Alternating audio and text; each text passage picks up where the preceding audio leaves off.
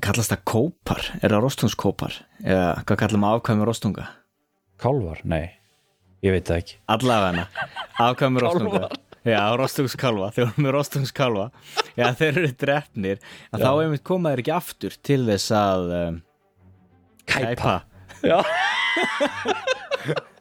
Æja, ég vissi þetta alveg ekki Nú er allir orðin sérfræðingar í rostungum sko. já, já, Þetta er svona eins og þeirra hérna það veist, á síðast ári voru allir sérfræðingar í sótturnum já, rostungar. Svo þar á undan voru sko árið 2019 voru allir sérfræðingar í hérna í, í rekstri flugfélaga sko. Já, já. Og hérna Nú erum við búin að setja okkur alveg inn í rostungsmálin. Koma til að kæpa. Já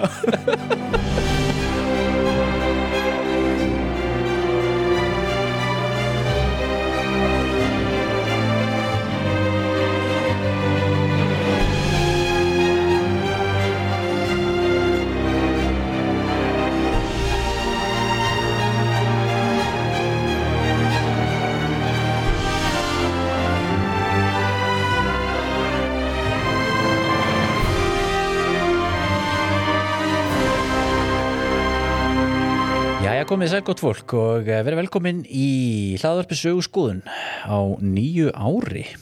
Og komdu sæl Ólafur. Já, blessaður, þetta er fyrsti þáttur ársins. Já, má segja það. Ársins 2022 eða hvað var það nú, ég var nú að tjekka þetta um daginn. Er það ekki 230 eða eitthvað í, í hérna í franska liðveldis tímatalinu Já. Já, eitthvað svoleiðis.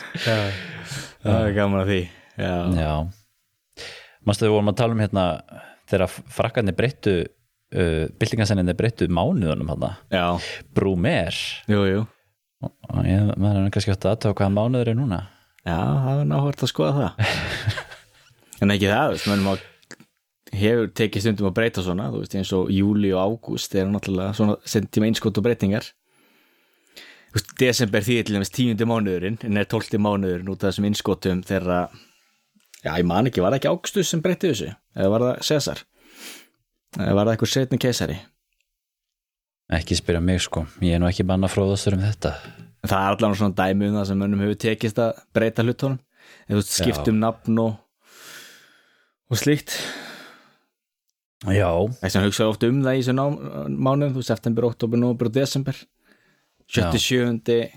8. 9. 10. mánuðin það var heimskulegt en ekki það það er engin hugsun þetta nei nei Við ætlum með þriðu dagur og fimmta dagur líka já, ég grínast oft með að ég tala oft um þórstak og tístak og Freistag. óðinstak Freisdagur eða flöskudagur, það er nú líka ágætt það er líka ágætt Herði, já, þetta mun vera hlaðarpið sögurskoðun hlaðarpið sögur og sagfræði við höfum nú rætt ímislegt og alls konar. Við vorum nú með sérstakann jólaþátt hér um jólinn, það var nú gaman. Já, rættum ímislegt og, og mörg skemmtileg málefni þar sem að alveg ta- gaman að tala um meira sko. Mm, algjörlega. Og þetta mun vera þáttu nummer 45 Já. held ég og uh, það er nú ekki að vera endan á málefni sem við ætlum að tala um í dag. Við ætlum að tala um eitt af vinsælustu málefnum í íslenskri sagnfræði sem við ætlum nú að endur heimsækja því að við komum nú að því hér áður í þætti hér fyrir hvað, einu og hálfu ári síðan eitthvað við tölum um landnám Íslands. Já, nú hefur þú nú, uh, já þú varst nú að koma frá Íslandi. Jú, jú, bara rétt á hann og búin að kaupa fullt af bókum. Jú, en ég er þetta sko, náttúrulega ekki, við erum ekki sama félagir þú ert alltaf í, sögufélaginu en ég er í hennu íslensku bókmyndafélagi eh, ég var að versla með þá. Já. En náður að skráði í sögufélagi Vistu það, ég, nefndi því sen ekki því það er svo takmarkaður opnunatímin þeim líka. Já, en það er spurning, ég er náttúrulega að fara að norður eftir hér svo sem, já, spurning hvort ég slá á þráðin þá. Já. Þetta er sér flókið, sko. opið sko, held ég frá getur eitt í þrjú eða á, á, á þriðdugum miðugudugum eða eitthvað, það er voða takmarkað. Já, já. Það er þetta að senda tölubúst og ég pröfað Herra, við komum að sérna í, í þar síðasta þætti í desember um, þegar að upp kom mjög áhugavert mál sem að uh, er nú svona frekar já, ekki á hvernig degis að það gerist en, en það komið fram alveglega rásaganur um reitstuld þegar Ásker Jónsson kom út með sína nýju bók um landnámið sem kom út núna fyrir jólin og ég las nú hún eða nú rókselst Já, það er eins og að segja, þú veist, engin hérna, umræði neikvæð, nei, ekkert umtali neikvæð umtali, það ekki? Jú, jú Þetta er náttúrulega, þegar svona talað mikið um þetta, það, ég hefði svo sem er einhvern engan áhuga að kaupa þessu bóku áður en þessu umræði byrjaði. Það, það, Já, það spyndi hvort það var eða heyrst svo mikið um þessa bóku en ekki að það fengið sé- þetta umtal sko. já, ég held að sé nefnilega svolítið þannig. Já, og líka í rauninni svarti vikingurinn því að sko, hún náttúrulega, ég get alveg trúið því að ykkur hafi farið að lesa þá bók Al- þó að sé langt síðan hún kom út sko, einmitt út af þessu umtali Já. þannig að þetta, Algjörlega. þannig að það má alveg segja það sko Vatn á millu þeirra begja. Já, já, algjörlega Já. En þú fórst nú á stúfan á varst þér út um bók áskers Já, fekk hana í jólagjöf. Já, og uh, við höfum nú ætlað að ræða aðeins þetta mál hér í dag.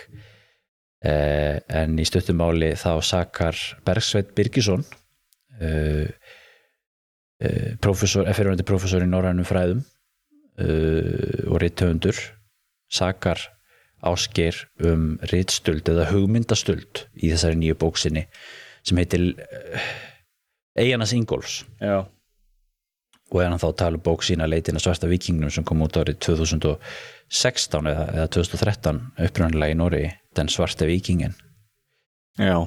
og uh, ég var nú ekki búin að lesa það bók en ég var, var tók mér nú til og, og eh, varð mér út um þá bók, ég reynda að lasa hann ekki heldur hlustaði á hana Já. það var svolítið skemmtilega reynsla Já. Ég held ég hef ekki já, mjög sjaldan að ég hef hlustað á svona heila bók alveg í gegn svona á einu Storytel, það var skemmtilegt Já.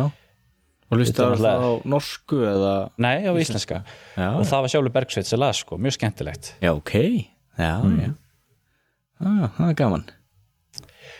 og reyndar auðvitað, svo sem þegar maður hlustar á bækur þá eru alveg ákveðin svona efni sem að menn sem að maður missir af þessu til dæmis náttúrulega og það er kannski mikilvægt akkurat í þessu tilfelli en það er til dæmis neðamálskar einarnar sem eru ekki með í lestrinum sko Já.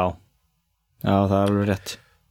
og heimildaskrá og svona sem að þú farið ekki með og, og líka kannski svolítið leðilegt að því að það eru myndir sem að maður missir af og kort og svona Já, og kortin hjálpa náttúrulega voðalega mikið til þess að þau setja sögusvið og já, hjálpa manni að átt að sjá þau náttúrulega hvað hann er að tala um. já, já, að hann til mis stoppar svona og segir já og hér er kort sem sýnir sem sýnir þetta og sýnir hérna mögulega bjarmalandsför germundar og hér má sjá hvernig bla bla bla og eitthvað svona Já. lýsi kortan og svona Já, já, já, já. en hérna, sko mér finnst þetta mjög skemmtileg bók Mér fannst það náttúrulega geggjuð. Ég hafði voða gaman af henni. rosalega vel skrifuð Já. og, og eins og sé, mjög gaman að heyra höfundin lesa hana líka Mm. Og ég hugsaði reynda sko á köplum veist, þá, þá, þá hugsaði ég sko það, það, það, það þarf að filmatísera þetta það þarf að búti myndi eða þætti eitthvað upp úr þessu Mm. algjörlega, þú veist, að því að, að því að þetta eru svo, svo skemmtilega lýsingar og, og að sama tíma eru þær skilur eins sögulega réttar og hægt er að koma að stað út af því að verkið er svona röksaga Já, einmitt. og ég einmitt svo reynda að lasi það að, að hérna einhverja fréttir, reynda gamla fréttir um það að það ætti að gera einhverja þætti eða bíómynd upp úr þessu. Og, það- og það var einhver miljónasamningur eða eitthvað, einhver, einhver norskur kvikmyndagerða maður ætlaði að gera það en ég er nú ekkit, þetta eru samt mjög gamla fréttir hana, ég veit ekkit hvar það máli er statt sko. Næ, ja, spurning.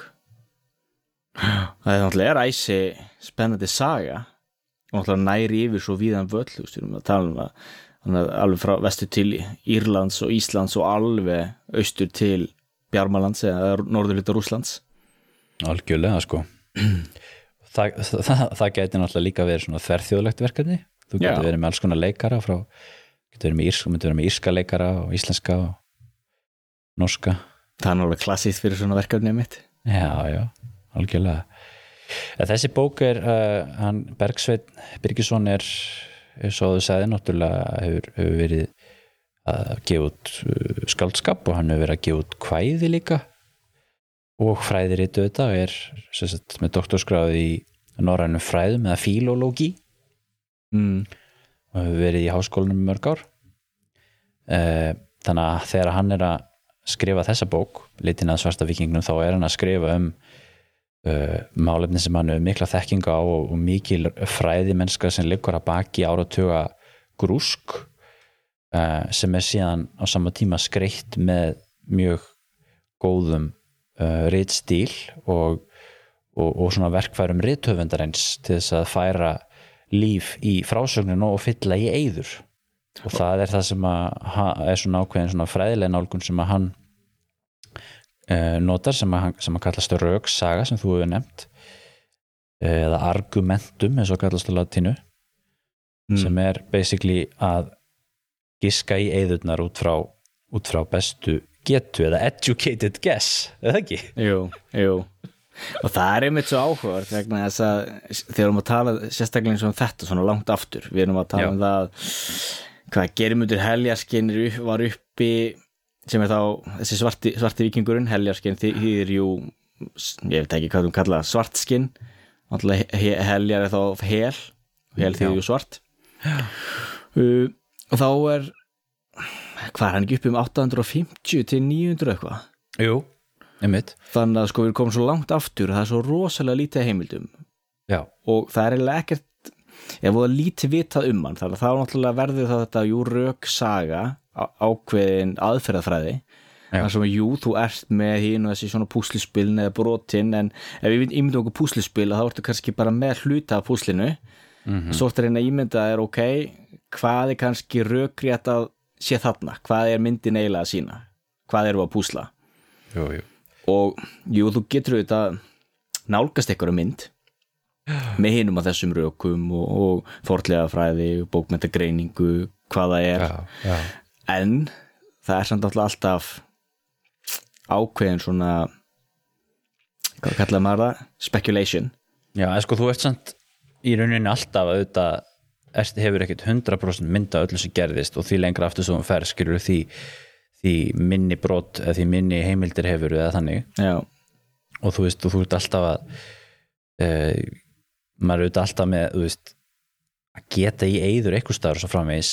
En það sem kannski mjög þetta að vera kannski eitt skref lengra vegna þess að þú ert sko, eða hann er líka að skálda samtöl og þú veist atbyrði sem að, þú veist, hann sildi þarna og hann sagði þetta við þennan og hann fór þangað og eitthvað svona skilur já, já, en, en hann er samt ekkit, hann er alveg heiðarlega með það, hann lætur alltaf vita að þú veist, hér er um skáldskap að ræða eða þú veist, það, það skín í gegn skilur, þannig að þú einhvern veginn, mér finnst þetta að vera svona next level, þetta er svona, þetta er þessu söguleg skáldsaga en samt miklu nær því að vera fræðiverk heldur en söguleg skáldsaga skilur, já, það er það algjörlega.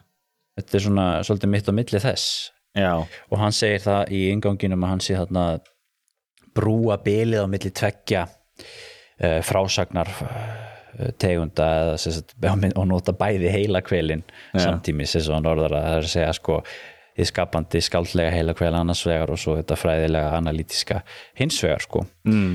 og hérna og ég, eins og ég var að nefna það með hlumins sem er svona eh, ekki búið til bíómyndið eitthvað svoleið skilur þú veist ég hef oft hugsað með svona sögulega bíómyndir og svona eitthvað svoleið þegar maður er að horfa það þá, þá þú veist verður maður oft svona pyrrar eitthvað svona, "Ó, þetta myndi aldrei gerast og, og eitthvað svona sko.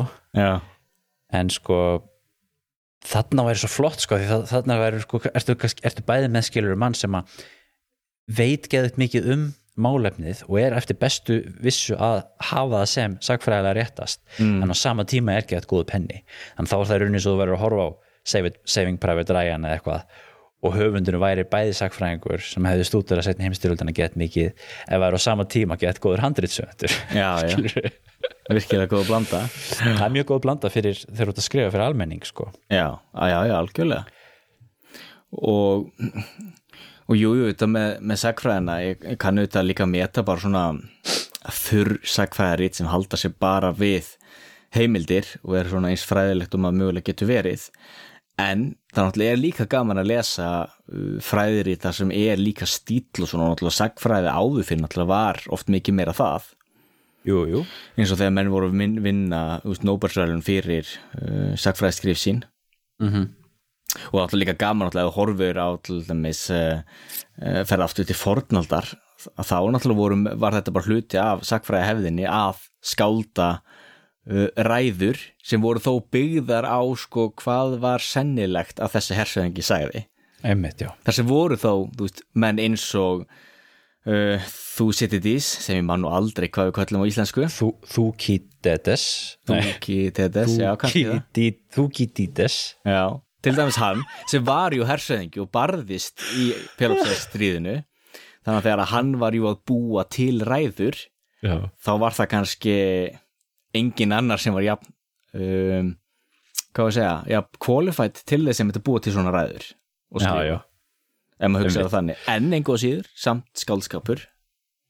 En byggt á okkur Já, já, einmitt að því að þetta er sko hann segir þetta líka hann Játna Bergsveitn í enganginum sínum að hann sé að hverfa aftur til sko æfa forns sagnarutuna stíls og, og er raun að gera eins og gömlu meistarinn gerði á miðöldum, skiluru mm. að þegar þeir voru að skrifa þú veist þessar, þessi sagfræðiritt miðalda íslensku til dæmis svo landnámi eða eitthvað svo leiðis að þá eru menn að sko reyna að hafa þetta eins uh, rétt og mögulegt er eins og þú segir en, en samt að bæta inn í til þess að gera þetta áhugavert Mm. og hérna en sko svo, svo förum við í gegnum allt, allt sem við höfum farið í gegnum og nú er svo vísindabildingin og allt þetta skilur og setur fram þessa, þessa skilirðislausu kröfum sannleika Mm. skilur Já. sem að þetta er alveg, alveg gott sko og er ástæðan fyrir því að grundvöldur vísindana og svona og hérna, en þú veist, þetta kemur þetta líka ná þetta debatt, eða, þessa spurningu hvort að sagfræðis í bókmentir eða vísindi og allt það, sko Já, já. þannig að þú veist, þetta er alltaf svona grunn, grunn, grunnlegjandi umræða, sko en, nei, þess að segja bara, þú veist, í dag skilur við í dag í sagfræði er alltaf gerð krafa um sannleika og í öllum fræðigreinum, skilur við og, og líka að ef ég ætla allir að segja frá, skilur við, einhverju sögu sem gerist fyrir mig, Mm. endur segja þá sögu og eða segja söguna af þér til dæmis þá myndi ég alltaf reyna að segja sem sannast frá sko, ég myndi aldrei fara að skálda eitthvað, þú veist, Ólafur sagði þetta við þennan að prestar á stefninu þannig í, í Oslo árið 2013 eða eitthvað, þú veist, að búið eitthvað samtali eitthvað svo leiðis, Nei. að mann man, man er ekki tamt að gera það sko. Nei, Þannig það að- er það alls ekki. En, en kannski þessi gömlu meistarar voru, voru einmitt bet, betri í því sko. Já, já, og það er kannski einmitt þá, já, það er svolítið þessi Bergsveinn vill gera, en, en hann vill samt, er mjög hérna á því í þessari bóksinni að hann vill ekki að þetta sé flokka sem skáldur lýsir ég myndi skemmtilega hvernig hann sko uh, þú veist undistrika það að þetta sé fræðiverk sem á baki liggur öll þessi vinna til þess að bókin verði, að því hann er hrættur um að bókin verði flokkuð með ótal uh, skáldsögum og, og, og svoleiðis um vikingatíman sem maður vill ekki. Mm, sem er svolítið skemmtilegt dæmi því að ég fór í bókabúð.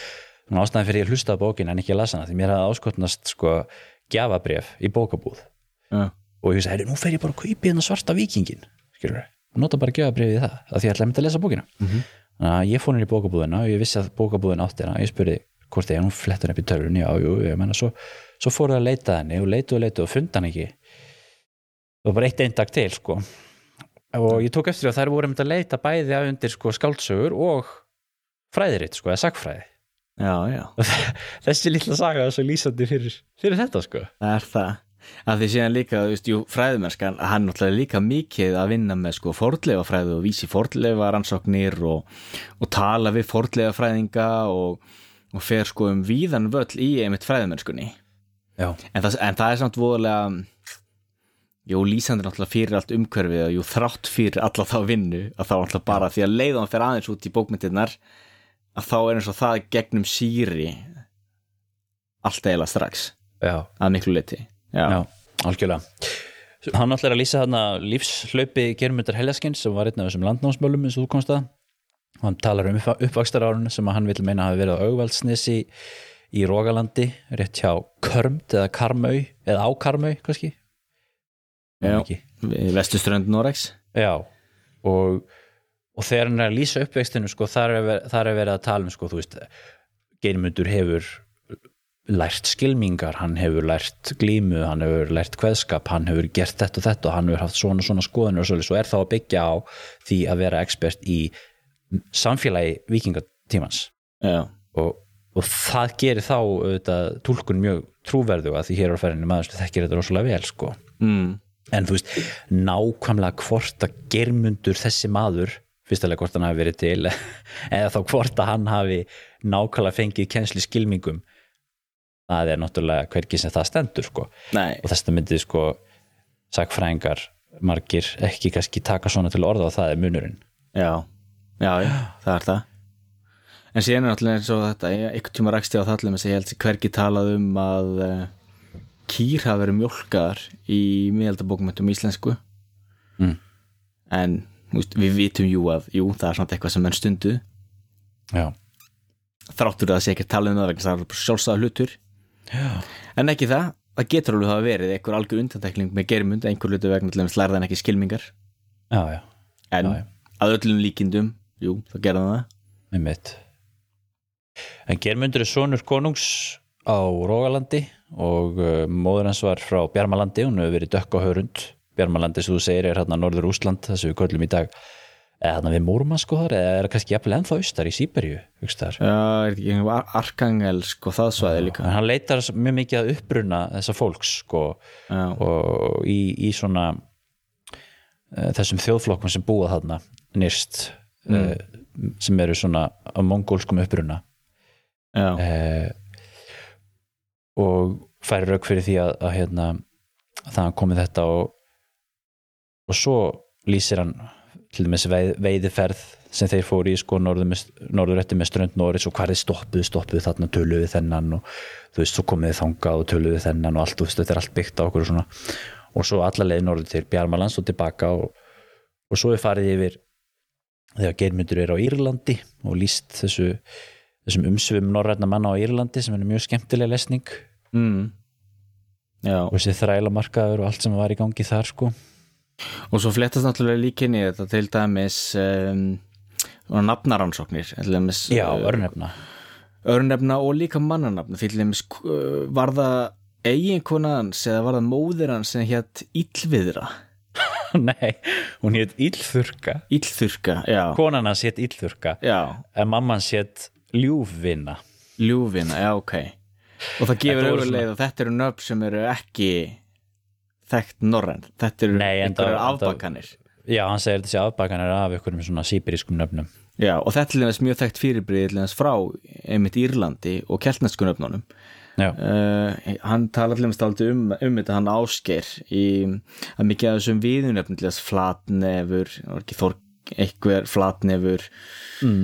uh, ah, núna mann ég ekki öll þessi viðunöfni en allavega mikið af þeim séu einmitt afbakanir af keltneskum viðunöfnum já, sem þá hljóma kannski svona svipa á norræninu. Já. en, en meika er kannski ekkert endilega neitt sens á norræninu en jú á írskunni eða geliskunni þá gerir það það.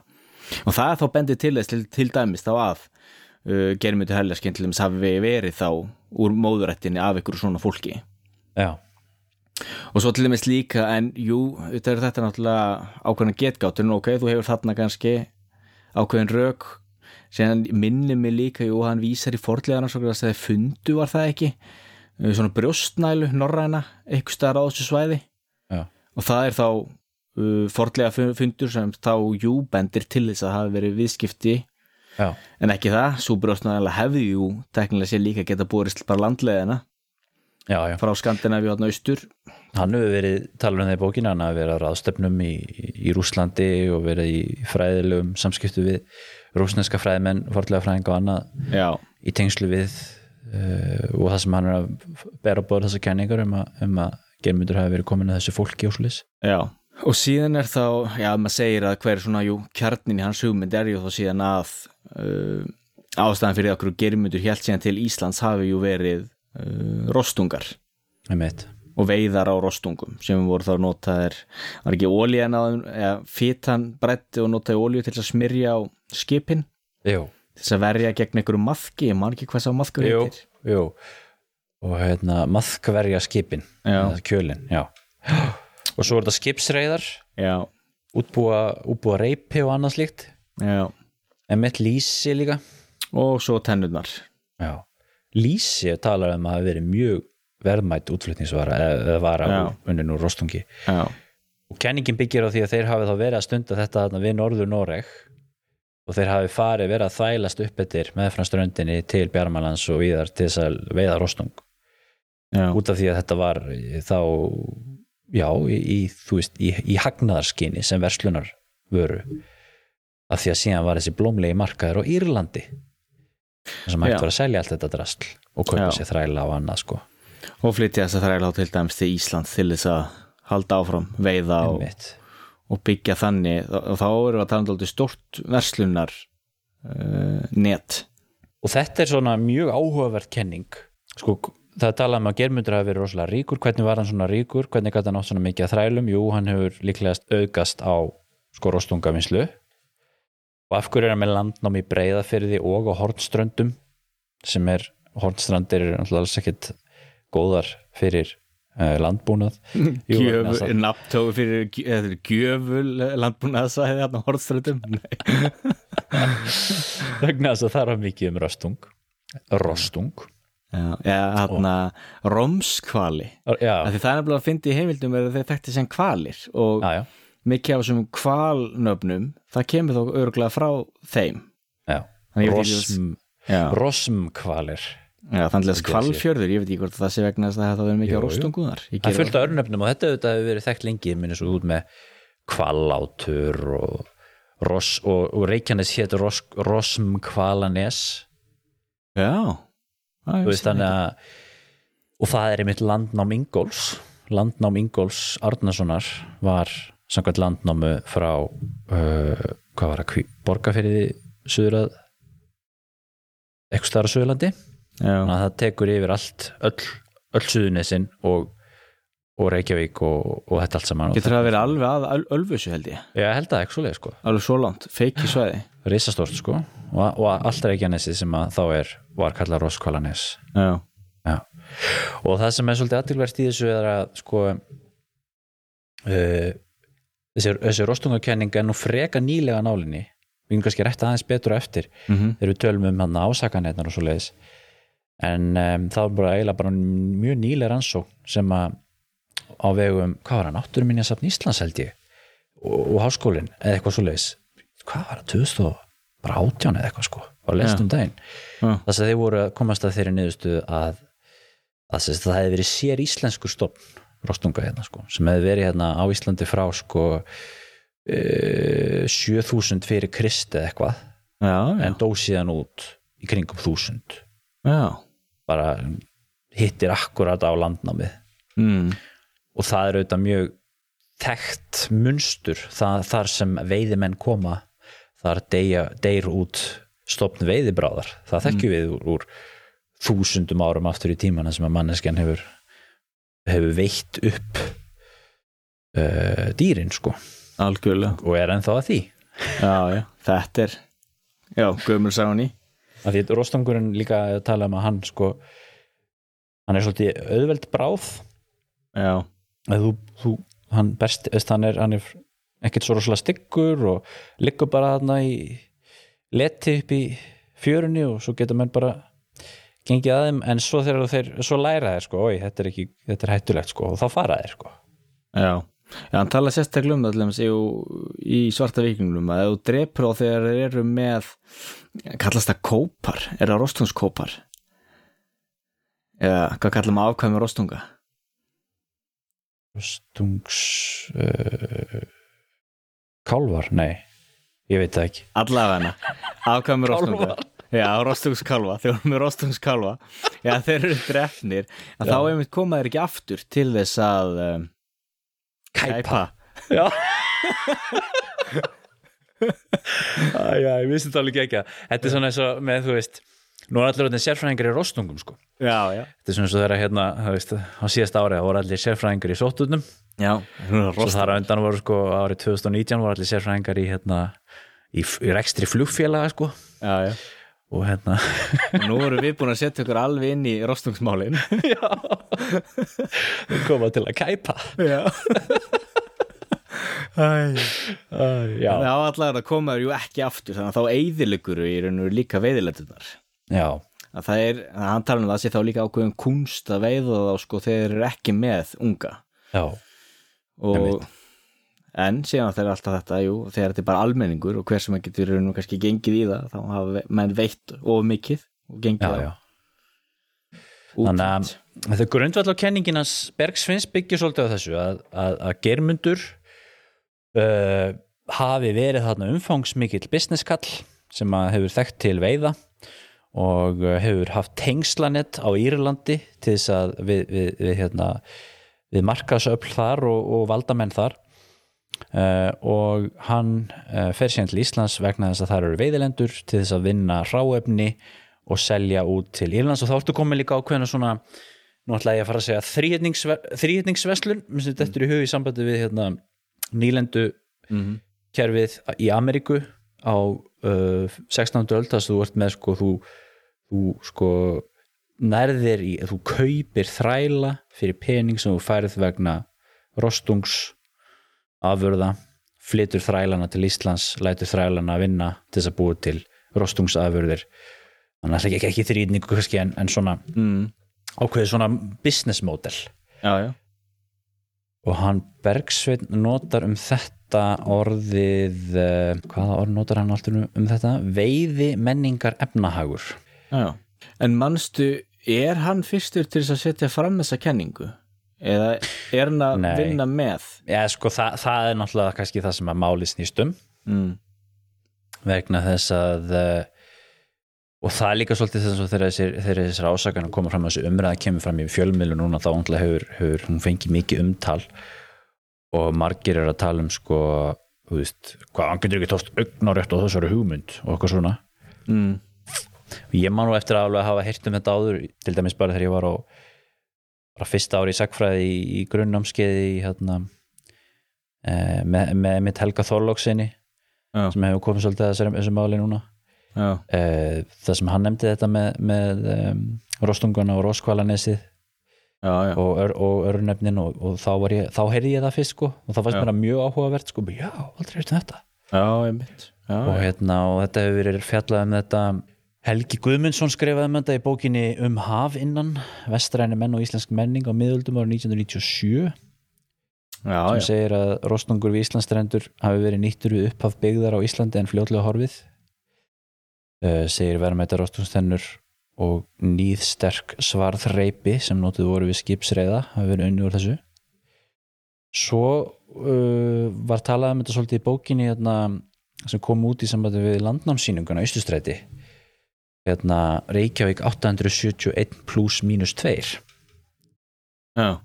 sem að sem að hérna Orri Viestinsson og Helgi Þorlóksson og Arni Einarsson uh, eru skráðir höfundar og, og hérna í kapla eftir Helga. Ég kíkti aðeins í þetta, ég á þessa bókina. Það er mitt talar hann um þetta. Re reyfar þetta svolítið þessar uh, ken, þessa kenningu um það að menn hafi og hann segir til mig sérna hvað sem í, í, í textanum sko, hvað sem líður rostungi Reykjavík má telja af að líklegt að í rauðum landansmanna hafi verið menn sem áttu skip og voru vanir farmennsku og viðskiptum. Aðrir hafa ef til vill stundað Íslandssiglingar án þess að setjast hér að. Þessir menn gáttu talið mikilvægt að geta flutt frá Íslandi einhvern þann varning sem auðvelt væri að koma í verð erlendis. Af því sem helst til greinar afurðir rostungs, einna líklegastar tennur og svarreipi þannig að þetta Já. skrifa, skrifa þeir 2006 Vá, var svo snemma Já, já, já. og fleiri sko, Bjarni Einarsson Já. fórlega fræðingur eh, Gunnar Karlsson talaði sem myndi í bók sinni um landnámið Já, já, þannig að þetta er eitthvað sem menn hafa talað tölvört um. en samt er þetta ekki samt er þetta sko og til mis ég kíkti í nokkra svona Íslandsögubækur sem ég á bara hérna upp í hillu bara svona að ganni ég kíkti á til mis hérna Saga Íslands 1 hérna fyrsta, fyrsta bindi sem kom út 1980, kringum 1980 og það er ekkert mist á þetta. Nei, nei. og þú veist það er að tala um til mér það er alveg sérkabli, hann er enda bara tvær blaðsjur en það er sérkabli um verslun og atvinnu hætti á landnámsöld. Já. og það er sagt, nei það er sagt í einni setningu, þú veist líklega hafa menn stundað ykkur að veiðimennsku. Já. annars er bara, þú veist, landbúnaður sko En mér hefur líka alltaf fundið svo áhuga en bara líka þessi saga það var hrafnaflókið það ekki sem var eitthvað stöð fyrir austan og var svo upptekinn að veiði að hann sá ekki um uh, neitt heiskap Mm. og síðan drafst allt fjöð úr hór um veturinn. Og þá, hélt hann tilbaka og, og allt það. Og mér hefur alltaf fundið svo sérst þetta veiði að hann hafi að hann hafi bara verið að veiða fisk allt sumarið. Fisk Já, þú veist var, var það voru það mikla tekjur af því að það borgaði sig að vera bara að veiða fisk allt sumar en ef hann hefði verið að veiða rostung já, já. þá var það svolítið annað. Reyndar held ég að þessar rannsóknir síni bæði fundir á rostungsbeinum og tönnum og, og þessar rannsóknir sem ég var að vísi hérna og það sem Bergsveitnir við skrifað aðri sem hafa verið að tala um þetta það hafi verið yfirleitt allt verið talað um að, að þessi rostungur hafi verið á Vesturland og Vestfjörum fyrst og fremst. Já ok Svona fyrst og fremst sko. Já, og líka þessi örnefni eru, eru langmest þar en, en, en selur líka, ég held að selur alveg tala um sel líka og svona. Já. Já, og, og Bergsveit talar auðvitað ekki bara um rostung hann talar alltaf líka um sel. Já, einmitt. En við getum allan sagt að Bergsveinn er náttúrulega þá sá sem gerir mest úr þessu. Já, þetta er ekki, þetta er ekki algjörlega ný og, og Bergsveitnu þetta vísar alveg í þessar, þessar fræðimenn sem að ég nefndi hérna áðan sko, í, í sinni bók sko. Uh, Bergsveit segir sko að segir sko fjölmelgi fræðimenn svo sem Helgi Guðmundsson, Helgi Þólasson, Óri Viestinsson höfðu varpað því fram, hver, varpað því fram að veiðar og rostungum hafi getað lokkað fyrstu æfintýri menn til Íslands og er þessa getið í mínu riti, þetta segir hann í sinni hana, grein það sem hann er að bera fram ásakanir Eða nýja í mínu verki var að nota miðalda heimildir auk þess að leita til annara fræðigreina til stuðnings því sem ég byrti og kalla efnahagsmódel veiðimenningar sem ég tel hafa einkjent frum landnám Íslands sem síðan hafi þróast út í meiri áherslu landbúna þegar veiði þvar Já, já, Bergsveinn. já. Þannig að, já, þetta er en ég ætla að mynda að segja líka bara því að nefna hérna landnám nei, hérna í sögu Íslands, þess að ekki tala um það svo skoðaði ég líka hérna bók Íslandsaga eftir, eftir Björn Þorstinsson ekkert minnst á þetta sko. Nei, frá 1991 sko. Og, og einhverju önnu bók eftir Gunnar Karlsson frá 91 minnist ekkert á þetta sko. Þannig að, veist, þannig að þetta er klálega svolítið svona ný, nýlegt sko. Já, já. En nú ert þú búin að lesa bókina Sáskis Já, Einar Singóls og sko kjarnin í þeirri bók er í raun og veru landnáma. Já, hann segir, þú, jú, landnáma jú geymir fjölskyldusögu 430 landnámsmanna og svo segir hann auðvitað hérna, þær eru mislangar og öruglega misáreðanlegar já, og tala náttúrulega um það að það er náttúrulega ekki einn höfundur heldur eru margir höfundar af þessu náttúrulega rít sem já, á sér langa sögu. Já og hans bók þá, Einars Ingóls er þá, eins og hann segir hérna þá tilraun til þess að fella þessar mörgu litlu sögur saman í eina stóra sögu um landnám Íslands. Og það sem að ber þá þessar sögur saman við írskar, skóskar og, og engir sextinskar heimildir og nýjustu fordleifaransóknir ok, þannig að sko það sem hann er fyrst og fremst að leggja áherslu á er jú þá þessar fjölskyldusögur sem eh, við höfum frá landnámu beraði saman við aðrar heimildir og þá er germyndur heljarskinn bara náttúrulega lítið hluti af því sem einn af þessum landnámsbönnum en hann er þá bara einn af þá 430 já, og, og ekki þá hérna í ingangin náttúrulega að tala um þau þetta er þessi nálgun ekki að tafinu í gaggríni og, hann gerir svolítið fyllilega grein fyrir uh, takmörkunum landnámu og, og talar um það. Já, en talar náttúrulega líka um það að náttúrulega er eina heimildin í raun og veru sem höfum um þetta tímabil. Já, án hennar þá höfum við ekki neitt af rítum heimildum. Já. Og, og þá náttúrulega er líka þannig að um, ef landnámu væri bara lígar að þá er það eiginlega býsna stór samsæðiskenning að þú þarft þá svo marga sem hafa komið sér saman og, og, verið sammála þau með að búa til ykkur og sögur og svona. Og þegar maður byrja að kafi það er það mjög ósænlegt en það er samt alltaf, alltaf vandamál. Auðvitað þarft að uh, taka hverja sögu fyrir sig innan landnámi eða hvert þátt fyrir sig og, og ræða og reyna að lesa á milli, lína og, og reyna svona að nýta þá verkið skinsamlega og þetta er það náttúrulega alltaf eitthvað sem maður getur gaggrínt á báða búa mhm, en hann er þá í raun og kannski fyrst og fremst síðan að, að það sem er áhugaverðast við, við bókina hans er jú að hann er mikið að leggja áherslu á uh, skipulag landnámsins. Þar sem að hann færi rauk fyrir því og talar fyrir því að fyrirmyndin hafi verið héraðsríkin í Nóri já, og að ákveðnir landnámsmenn, til dæmis auðu djúbuga hafi verið að reyna að mynda sko héraðsríki á Íslandi. Já, já. Að norskri fyrirmynd já, og hann talar þá mikill eins um hersana. Hersir var sem sagt um, uh, leiðtogi yfir héraði og héraði voru um 120 bæir. Er það þá svona eins og þegar við tölum um hjör konung, veist, föður hann Bergsveins, er hann þá svona héras höfðingi þá, Já. eða hersir? Já, og hersir og her til dæmis þetta eru tengd orð. Já. Og kannski ekki alveg rétt að nota orðið konungu náttúrulega með þetta kannski þá. Nei, þú ert náttúrulega með hersin eða hersina mm. og fyrir ofan þá eru síðan jarlarnir og síðan eru jarlarnir undir konungi. Já, en nú erum við að tala um samt fyrir sammenningu Noregs. Þetta er fyrir Af því er ekki Haraldur Hárfæri, fyrsti sem sammennir Jú, og þá hann um að hann saminar sko Noreg norðanfjalls. Sem sagt þá Noreg eh, norðan og vestamegin við þá fjallaskagan sem liggur eh, niður eftir öllum Það er það það víkend til dæmis að það ekki hluti af því. Nei, er En hlutið þetta- Dana. Já, það er hluti af Danaveldi. Þannig að Haraldur raunum verið samin eða þá vestusturönd Noregs og norðrúr Já. og Noregur náttúrulega er það þessi norðurvegur það er þá norðurvegurinn sem hann, sem hann saminar sem er þá strandlengjan fyrst og fremst. Já, og, og svo náttúrulega líka það eru náttúrulega skipta skoðunur og, og deiltum náttúrulega með Harald Hárfæra sko, hversu sjálfstar hann hafi verið og hvernig þessi saminning hafi verið og, og, hitt og þetta. Já, og hann ásker náttúrulega talar um allt þetta. Já, og mm, að því það alltaf hluti af umræðinu var ekki hann hérna, Sverrir Jakobsson sem talaði um það að hann myndi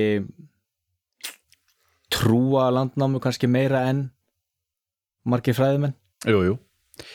Sverrir sagði nú reyndar, hann kom nú með þá kenningu að Haraldur hefði nú kannski ekki verið til. Jáp, einmitt. Og það er svona það hefur verið vinsæl hugmynd að, draga í efa tilvist inn á þessa sko. Mm. og ekki það, þú veist, það getur alveg verið. Mér, persónulega hefum alltaf fundið svona eða frekar ólíklegt, ég held að þurfi svo mikið til til þess að geta búið bara til ykkur svona persónu Já, en svo náttúrulega er sagan náttúrulega full af ótrúlegum hlutum, maður er alveg viðkjörna það. Já, já. En um, já, hann er Sverri er náttúrulega mjög skeptiskur út í þetta allt og þessar heimildir.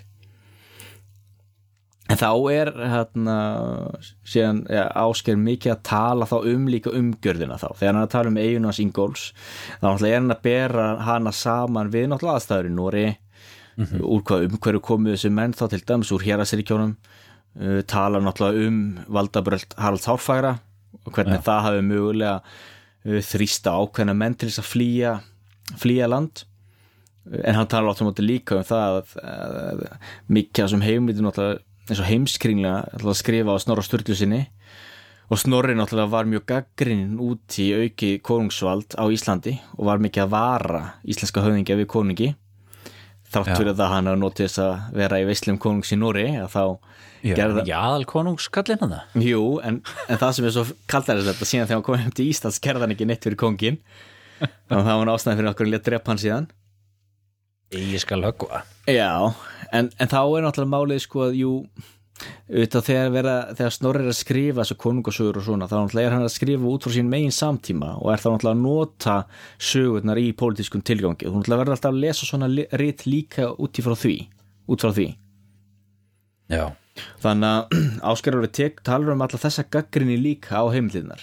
Já, því það hefur náttúrulega verið ráðandi sögurskoðun að stór hluti af landnámsmennum hafi verið að flýja ofríki Haralds Hárfæra já, það er náttúrulega sem stendur í landnámu Já, en það er síðan náttúrulega líka, veist þessi mynd sem að höfundar landnámu vildu koma upp af því það er svo mynd sem passar við þann tíma sem hún er skrifið á að Nákvæmlega. búa til einhverja svona einingu og búa til og, og svo náttúrulega helst það náttúrulega bara í gegn um, söguna eftir því sem við nótum landnámu sem, mm, sem sko uppsprettu að þjóðninsíkjunu og allt þetta, þetta er svo rosalega góð saga Það góð það. uppruna mýta Já, já. þannig að þarna hefði sko krem, dula krem sko af aðalsmönnum í Nóri komið að því að þeir voru svo sjálfstæðir og flottir sko. Já, þeir ætla ekki að beða sig fyrir konungi. Nákvæmlega sko. En svo náttúrulega veit maður um mennin svo Ingimund Gamla sem var ju góðu vinur Haralds Hárfæra og barðist með honum í hann hafursfjörðaróðustunni til dæmis. Já, hann er ju einn af landnámsmönnunum. Já. Þannig að þú veist, auðvitað sagan ekki svo einföld. Já, og svo náttúrulega líka áhvert að hann náttúrulega tala líka mikið um, um samskipti norræna manna við uh, Írland. Já, og uh, samfélag norræna manna á Bretlands eigum mm það er náttúrulega líka stór hluti þess að vegna sem náttúrulega var stó mikið af keltneskum áhrifum náttúrulega á Íslandi og í landnáminu. Algjörlega. Þannig að til dæmis hún auður djúbúðuga hún til dæmis frelsaði suma þrælunum sínum og gerðu þá að þá frjálsum mönnum og, og bændum til þess að til dæmis að búa styrkja sitt hérastríki af því að ef þú ætlar að byggja svona hérastríki þá náttúrulega varstu háður í eða háðví að þú væri með ákveðið magn bænda sem getur fyllt liði og bakviði. Mm. og þá er spurningi sko hver- hvernig nærða mynda svona lið, jú, eða með nógu stóra fjölskyldu þá getur þú haft uh, fjölskyldunum með þér og það getur verið sjálfstæði bændur hér og þar, þú getur laðað að þér menn veitt þeim hluta á landnámiðinu. Og ef þú hefur hvorugt þá náttúrulega getur þú nota þrælaðina. Já, veitt þeim frelsi og, og það, við höfum alveg tölver dæmi um það uh, í, í landnámi að menn hafi gert það. Já, en síðan alltaf tannar hann um eins og með Ingolf að hann ber það, að, það hans þeim saman við aðra svona stopnana mýtur annar staða frá. Já, þannig að til dæmis það var náttúrulega Ingolfur og mannstu hvað fósbróður hann sétt hérna, sem var drepinn. Hjörleifur. Það talar allir með sögum sko, Hjörleifur var drepinn Ingolfur er ekki, ekki drepinn. Hann dreipin að þræluna sínu, ekki? Jú, Já. og þetta er svolítið svona klassíst að ert með byrjulega spræður og þetta er voðalega stertilegmis í germanskri sagnahefð. Já, þú ert með bræður sem stopna eitthvað ríki. Uh, Horst og Hengst eða heng, Hengsti eða eitthvað þannig. Já. það voru til dæmis tveir saksneskri bræður sem til dæmis átt að hafa leitt sko Engilsaksa og Jóta og það fólkin í England já, svo var annar enn að drepinn og hinn lifið af. Rómuls og Remus er svolítið svipað. Cain og Abel er líka svolítið svipað. Svona þannig að þú veist, þú sérð alveg góðsögninu náttúrulega líka í þessu. Já, en það þarf ekki endilega að þýða samt að það hafi að Ingólfur og Hjörleifur sé bara uppspunni. Það þarf alls ekki að vera það. Það er auðvitað þetta með sko, þú veist, með sannleiksgröfuna í dag og svona og veist, auðvitað er alveg klálega dæmi sem bara meika ekki sens já, og við verðum að telja, telja sem skáldskap eins og til dæmis með öndvegisúlunar til dæmis það að þú hendir öndvegisúlum í hafið út á sjóskiluru og það er rek upp í fjöru og það er sko þúsundir af reka við út um allt. Og, og þrælarnir labbaðna með frá ströndin og hvernig komast þér yfir skiluru þjósa og þú veist þegar hún er ekki með brú eða alls konar svona eitthvað já, já, og, og líka, en svo hefur maður sé líka ég held ég að við nefndaði mig þegar við vorum að tala um landnámið þarna fyrir einu og hálfu ári síðan einmitt að, þú veist 19. aldar menn og þú veist að fyrir lutu 20. aldar þegar sagfræðin er, er að koma fram skilur sem, sem alvöru fræðigrein og fordlega fræðina menn er að ræða þetta svona fræðilegum vettvangi en, en eru samt alveg strángtrúaðir á landnámu og þetta að þá eru menn fattin að sko ég, veist, ég las eitthvað stær sko hérna þú veist reyna að færa rauk fyrir sko ok, þú droppar skilur hérna súlin út í þarna skilur þá er nú hann ströymur sem fer svona og hann fer þarna norðvestur fyrir þetta horn og bla bla bla og, og þannig má færa rauk fyrir því að súlan hafi geta lent þarna mögulega lent og norðan við annað þarna og eitthvað svona skilur já, já, já. grípa til sko allt sem er mögulega geta nota til þess að færa rauk fyrir þessu. Er þetta ekki svolítið eins og biblíufræðina sem menn er reyna Já, það er það er allir með uh, Ódisefs kviða og hérna, Iljóns kviða. Já, já, veist, að, að vera veist, með eitthvað svona já, frægrit, jú, jú og biblíðan er sérstaklega gott dæmi um þetta. Við mennir að tala um það til dæmi sko þegar að Móses fór yfir Rauðahafið og það hafi mögulega verið svona mikill vindur eða sérstakar sérstök náttúru eða skilirði og eitthvað slíkt. Það hafi ekki verið svo mikið vatn eða hitt og þetta sem mennir að grípa til Þetta er menn þá kannski ekki einmitt að taka meir inn í myndina að hér geti kannski verið um eitthvað stílbræðaræða Já. eða Já. að reyna kannski að krydda textan einhvern veginn eins og svona eins og Bergsett talur með að nota bæði heila kvelin mm. eins og þetta bara til dæmis þetta dæmi með hann Úlfljót að Úlfljótur á að hafa haldið til Noregs og tekið með lög til Íslands Já, já, og fært Íslandingu fyrstu lögin og maður lesa þetta í sínu samhengi hvað, hvað þýðir þetta lögin voru ekki skrifuð niður það var ekki búið að skrifa lögin þannig að hann gæti ekki að vera tekið eitthvað skrifaðan lagateksta Nei. uh, tók lögin held hann til þrændalaga eða gulaþings eða var hann á frostaþingi og hlusta hann á lögin og læða minnið en, en ef þú ert með samfélag sem er ekki með ritmál og þú segir eins og svo já við erum á Íslandi við þurfum að fá lög til landsins þú getur ekki fengið það í faxi eða þú getur ekki farið til Norris og náðið bókina þá fyrir við til Norris og náðum ykkur gaur sem kann þau. Skilur Já, en lögin náttúrulega lifa sem hefð og það er einmitt það sem ég á við sko, að svona samfélag sem flytur þá samfélag norræna manna Já. eru náttúrulega með lögin nú þegar í hjörtum sér ef við orðum Já, sem já, svo. Já. þannig að þá vola skrítið að segja að einhver hafi farið til Noregs til þess að ná í lögin. Því þeir eru náttúrulega aldnir upp við lagahefðin og þekkja til þannig þannig að lögin er eitthvað lifandi fyrirbriði í samfélaginu. Að þeir lemmis munleg lög eh, þau sk- skóla alltaf aðeins getur skóla aðeins til og breysta aðeins án, á mann haldaði fram að séu sömu gömlu lögin. Þannig að það er mun léttar til að breyta munlegum lögum heldur en skrifuðum.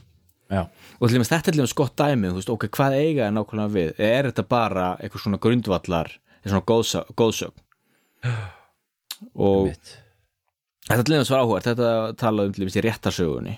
Já, og þú náttúrulega ert með allan svona dæmi en síðan náttúrulega líka eins og áskinn nefnir landnáma náttúrulega er ekki skrifið bara af einhverjum einum höfundi. Þetta náttúrulega eru- margir sem skrifuðu þetta og bók sem var til hægt og rólega. Og það er líka voðalega erfitt að ætla bara að búa til eitthvað. Já, já, þú veist að því auðvitað það náttúrulega var sko það var ekki rýmsa rannsóknir átilis mm, sagna minni og það er alveg ótrúlegt hvað til dæmis kvæði og ímis ljóð og sögur og slíkt getur lifað lengi í munlegri geimt tiltölulega stöðugt. Já, já. En þetta er auðvitað sko eins og við höfum rætt áður og komið ofta hérna í þessu hlaðvarpi þetta sko með, með, með trúverulegan landnámi og svona þú veist og en sko ég, ég held að það sé allir saman um það að landnáma er mjög góð heimild og hún býr yfir miklum þú veist sagna auði en sko hún sé mjög góð heimild um margt en auðvitað kemur alltaf að sko spurningin, spurningin um sannleika í sko eins og Gunnar Karlsson nefnir í rittdóminum um hérna leitina svartavíkingum frá norðara sko sannleika í hversdagslegri merkingu þess orð það er að segja bara fakta sko. Hvað er satt og hvað er já.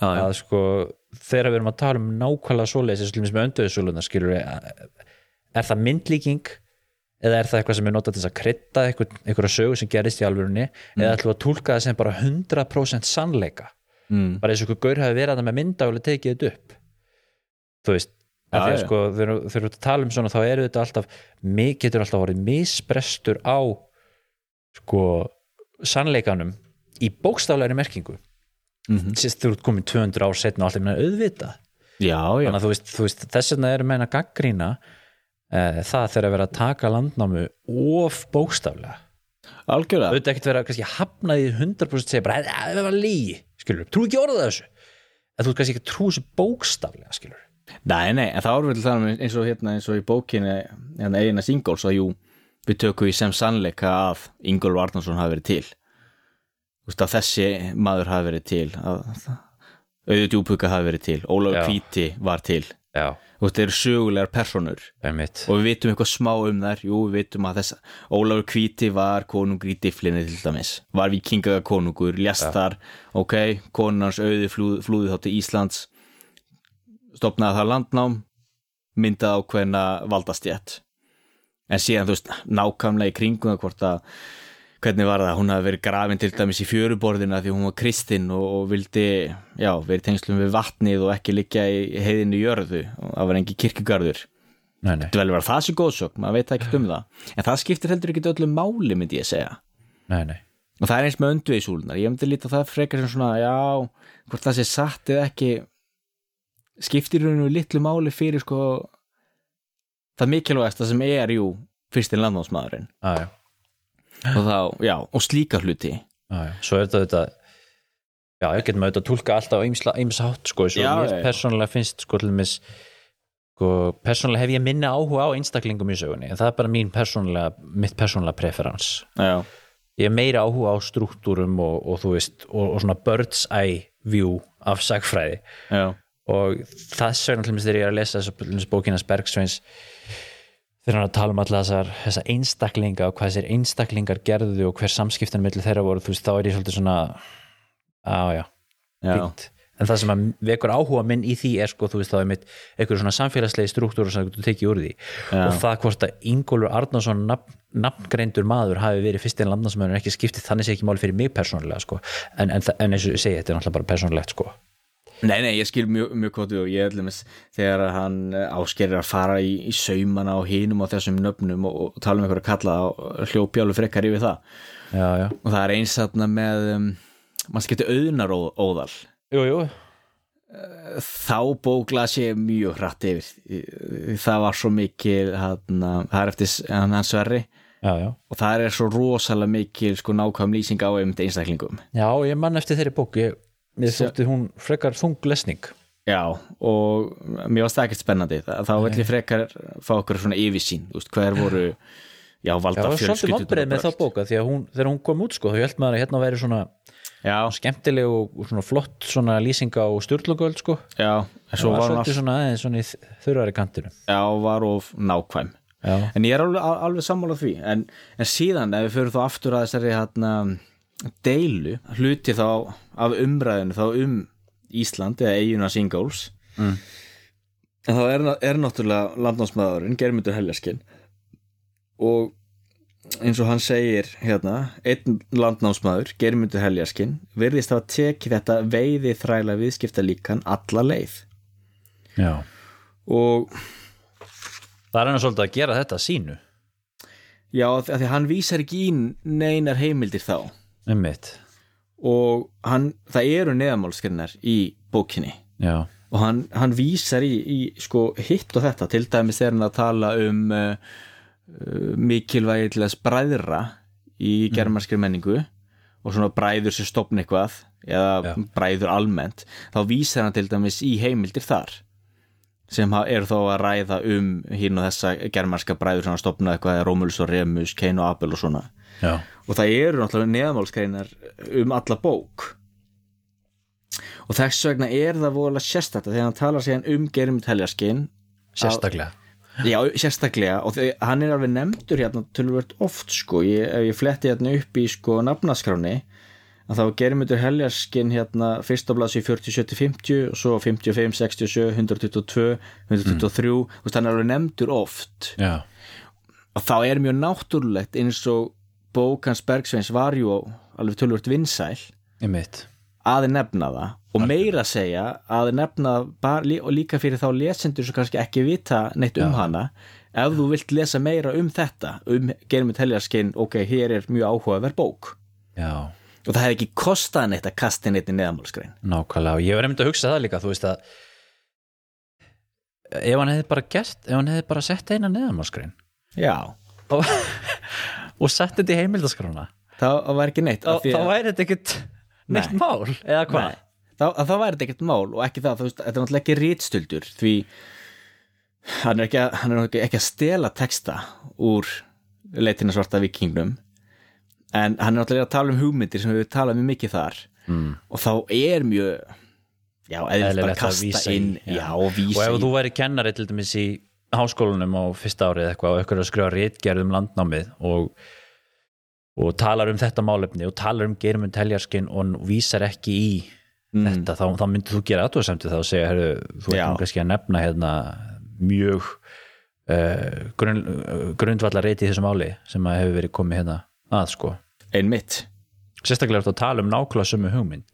Já, En það er endar, að því að þú nú komin yfir á þetta að eh, Bergsveit sko hann segir í sinni uh, grein inn á vísi.is þar sem þetta mál rauninni kom upp fyrst sko uh, snemma í desember. Þá segir hann sko já, rítstöldur en, en nánar tiltekið hugmyndastöldur já, uh, fremur en sko beinar tilvitnanir sem að sem að vera að stela beint í sko, eða komið beinar tilvitnanir ekki vísi sko. Mm. og hérna ef við kannski fara þessi yfir ásakarnir hans eða var fleira sem þú vildi nefna í tengslu við ásker kannski? Nei, það er jú bara aðalega þetta að þessi, þessar héraðs hugmyndir hans sem hann er fyrst og ennast að tala um.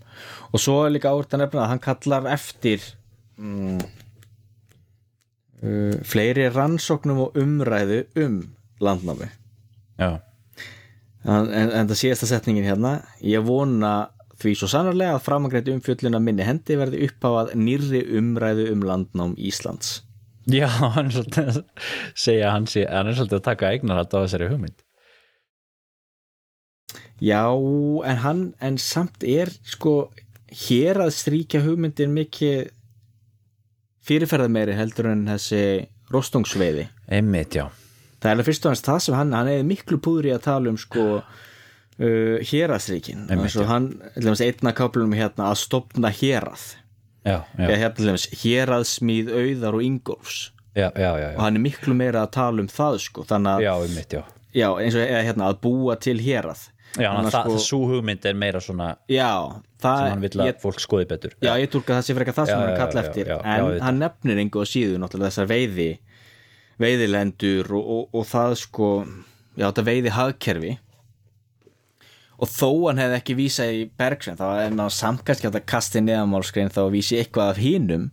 Því ég býst nú við að áskerin það er auðlúst að áskerin mjög uh, viðlesin Já, já, og veit alveg hvað hann er að tala um þó hann ber jú fyrir sig að vera leikmaður og allt það. Hann er að vísa í heilmikið af heimildum og við lesið þetta allt mjög nákvæmlega.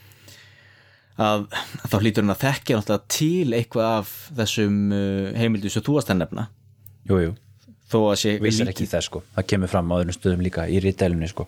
Já, Þannig að Jón Ólafsson skrifaði grein í Ritið, það er ekki tímarið hugvísindastofnunum held ég, árið 2004 hann er beinu framhald af hérna Ritstildamálinu þegar hérna í kringum Hal- Hannes Holmstein og, og hérna bækunar um Haldar Lagsnes, já, grein sem heitir Fölsuð fræði. Já, og þar setur hann hérna sko setur hann þetta upp í flokka eftir alvarleika. Nummer eitt, fölsun, nummer tvö, svindl. Nummer þrjú, stuldur á texta, á hugmyndum, á niðurstöðum. Nummer fjögur, misnótkun nummer fimm, mistúlkun. Já, já eftir alvarleika sko. Segir hérna sko, í fyrsta legi getum við talað um textastuld. Þar sem einn höfundur tekur orðalag, skýringu eða eitthvað annað upp eftir öðrum höfundi og byrti sem sína eigin sko það hlýtur nú að vera sjálfgeft að menn gerir það. Og það er náttúrulega bara, það er bara eins og að labba bara brjótast inn til einhvers og stela sjónvarpinu og svo fara með það út sko. Já, veist, það er bara einbeittu brotavilji og, og, og það er líka svo heimskulata því það, það, það kemst upp strax. Já, það er ekki sem gerir það. Nei, nei. Önnur tegund stuldar byrstist í því að einn höfundur tekur upp hugmyndir annars höfundar og þá gildir jafnvel einu hvort um er að ræða vísindalegar eða listrænar hugmyndir og gerir að sínum. Þessi tegund svika getur orðið mjög flókin. Já, Og það er það sem að Bergsveit segir að sé um að ræða, það er að segja hugmynda stuld. Og hann segir hérna í greinsinni stólið og rángfært sem að byrtist hérna í, í vísi sko. Í, í verkinu leitin á svarta vikingunum það er sett fram heildar tilgáta um frumlandnám Íslands út frá landnámsmannunum Geirmundi Heljaskinn mm. og það sé þá, hann segir sérst að þú veist, þetta sé heildarkenning í gegnum alla bókina sína sem að hann vil sé að meina sé raunur auði þráðurinn í bókinas áskers sem að þú verðt að segja sé ekki alveg rétt sko. já svo því, tekur hann fram nokkur ákveðin atriði þú veist, sem er kannski óþar að fara honni út af þú, þú veist, það er kannski svona smá atriði sko, en hann nefnir alveg fullt atriði sem að hann segir að sé bara beint frá sér komin sko. já og Og ekki það, vel að merkja Ég náttúrulega las hérna leitina svarta vikingum fyrir ári síðan já, og ég hef ekki borið þær nákvæmlega saman með. en og En- til dæmis þú veist, hann segir sko stopnana umgjörðin sem, ger, sem lífslaup germundar heljaskins byggir á sem er sko rostungaveðar og þrælahöld þetta sé kenning sem sé hvergi að finna nema í leitinu svarta vikingnum og nú hjá tíðum áskeri uh, eins og fram með komið kallast germundur aldrei annað en bóndi eða með búfjár í miðaldaheimundum þannig að þetta er, vill, vill hann meina komi, sé komið frá sér sko. Hann kallar þetta veiði menningar efnahagur um þrælavinnun og rostungsútgerðina. Ásker kallar þetta veiði þræla viðskiptalíkan og nefnir þá eins og þú sagðir hann er að taka þetta yfir breyðari hóp Hrafnaflóki, Ingólfur, fleiri og germundur bara einn af þeim sko. Já, Þannig að þú veist, og svo, svo telur hann líka til önnur atriði sko sem kemur á öðrum þáttum í þessu, svo til dæmis þetta með hjör konung, allt sem hann talar um hjör konung, upp, uppbruna hans uh, germundar uh, hjör og ljúfin og í augvalsnis í Rógalandi að hann hafi verið mikil sækonungur við Körmtsundið sem hafi verið söðurlið norðvegarins. Uh, þetta segir beint upp á sinni bók og hann talar um þetta þarna, og sko. hann áskerir um þess að sækonunga og, og gerir einmitt aldrei úr sem er hjörlin sem er hann hjörleif hann alltaf hétt Leifur og svo gekk hann ekki inn í einhvern hól og tók þar hjör en sverð og þaðan kom hjörleifur já, já, og svona vikingur og það var svona andstæð við Ingól sem alltaf þá var frisamari og bóndi og þá gaggrinni á vikingasamfélagi líka. Þegar vikingur náttúrulega var alltaf neikvægt hugtaki þe- þessi rannsókn sko, þessi niðurstaða Bergsveins segir Bergsveins að sé bara sín rannsókn sko. og, og, og þegar maður les bókinans Bergsveins þá byrtist það alveg þannig sko. að hann sé bara kemur með tilgátu um að- um- um- um ímislegt sem að til dæmis það að hann sé frá Ögvaldsnesi og allt þetta skilur það sé, það sé kenningin hans, hans Bergsveins sko. já, og svo talar hann um að áskil lýsi þrælamarkaðanum í diblinni á sama hátt og hann gerir í leitina svarta vikingnum já, en vísar á sama tíma til bresku, breskra og ískra fræðmanna en ekki í sig. Já, og svo um tengslanett norrætna manna sem er nú kannski, sem hann segir hérna, tekur steinin úr, það er svona síðasta síðast en ekki síst, eh, eins og með Eyvind Östmann og svona, þetta var þetta kapli sem ég hljóp svolítið yfir já. en um, þetta voru mikið einstaklingum og persónum að leikundu fyrir mig. Já en allavega þú veist að það sé sett fram eins og Bergsteinn orðar hérna uh, beintilvitnun algjörlega frjálstúlkun og tilgáta sett fram í leitina svarta vikingnum sem hafi hvergi annars það komið fram. Um, og þetta setur Árni, neða Ásker Jónsson fram sem frum rannsókn Áskers og hans mati greinilega bísna merkileg uppgötun. Já, og hérna svo að lokum hitkar átlega í þessum plagiarisma er að jafnan er farið með vittlust með það sem stólið er. Hann tekur sem mjög næri sér. Já, hann gerir það. Og þetta náttúrulega er, jú, á grá svæði mikið á þessu, af því að hann er að tala um hugmyndir. Um, Já, að ég veit ekki það Mér finnst það voru erfitt að segja. Já, allavega sko ég er allavega ósamar því að þetta sé rauður þráður í honum. Þetta í, í bókinu hans því Já. ég myndi segja að rauði þráðurinn í hans bók sé hérasríkin, landnámið Já, og það segir líka Helgi Þorlásson því að það kom nú bara núna fyrir nokkrum dögum síðan, bara núna í byrjun janúar að þá sérst kom svar frá Helga Þorlásson sem er professor eh, fyrirhandi, er professor emeritus í miðaldasögu uh, við háskólan sem að sérst kemur með alveg sjö blað sína greinargerð um þetta mál. Já, að sögn að beðni áskis, mér staðan svolítið merkilegt. Já, og hérna það er nú mjög áhugaverð lesning sko og tengist líka kannski svolítið þessu svona viðbröð fræðasamfélagsins við þessu máli.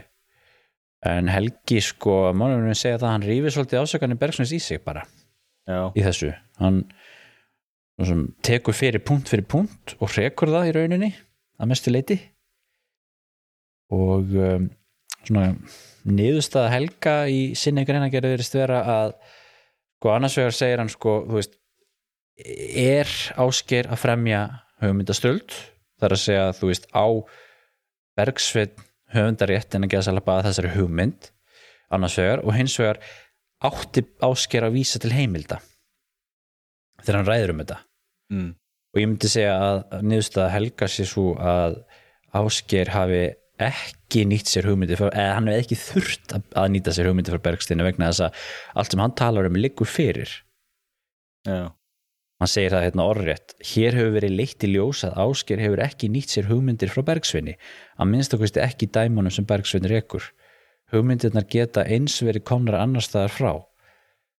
Efnislega tengsl við ritt Bergsvins eru ekki eins mikil og hann lætur ritt Áskers er á sinnhátt fræðiritt en ekki á sérsvið hans í hagfræði heldur er viðfangsefni hans landnámið og megin heimildinum það landnáma.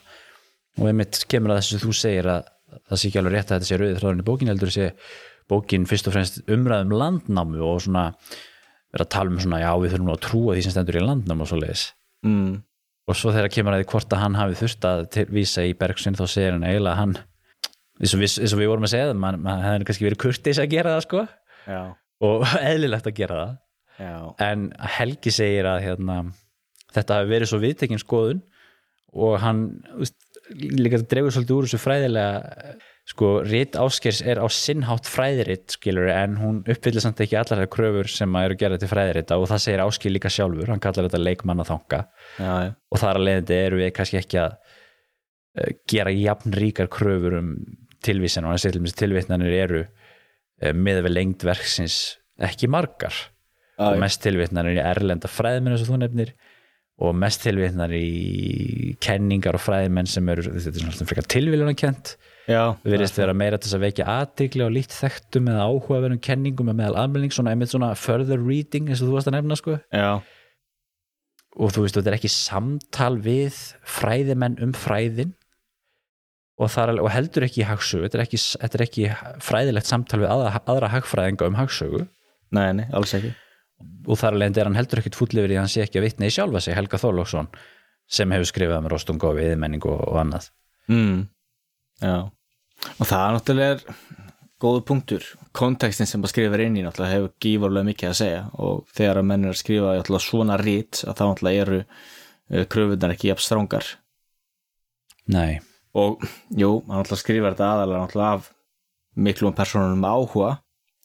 Já, en þó þetta er færi rauk fyrir áhugaunum og, og skrifurum og slíkt en og er að vinna með nákvæmlega hugmyndir en já, mér persónulega já, því finnst maður nú eiginlega ekki geta sagt að þetta sé rítstuldur eða hugmyndastuldur þó það væri eðlilegt að kasta það niðan málskrein vegna þess að Bergsveitn hefur skrifað mikið um það já, já Ég held að ég myndi kannski lenda eitthvað stað þar ef ég ætla að reyna að koma, koma með eitthvað nýðustuðu hvað mig var þar. Já, já, já En, jú, svo getur maður náttúrulega rætt þetta í raun og veru enda löst en.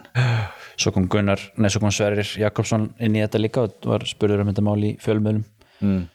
og hann segir að um, segist nú hafa blaði gegnum bók Áskers ég verð að segja að mér finnist hún ekki minna mikið á svarta vikingin nema að báður eru mjög trúir og gildi landnámu sem sögulegar heimildar sem, ek, sem er ekki hefðbundin skoðun meðal meðaldasakfræðinga Já.